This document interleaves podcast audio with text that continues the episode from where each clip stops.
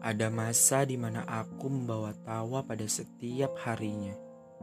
Ada masa di mana tangan ini menggenggam setiap kegelisahannya.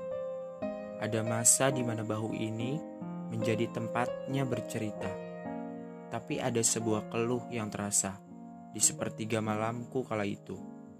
Di saat aku melihat seseorang yang berharga kehilangan cahayanya, tapi tak mengapa jika ada orang lain yang bisa membawa kembali sinarnya. Di saat aku melihatnya putus asa dan aku tak lagi ada di sisinya, aku berharap ada sandaran lain untuknya agar dia merasakan sebuah tenang dan bahagia. Karena yang aku bisa hanya bicara secukupnya.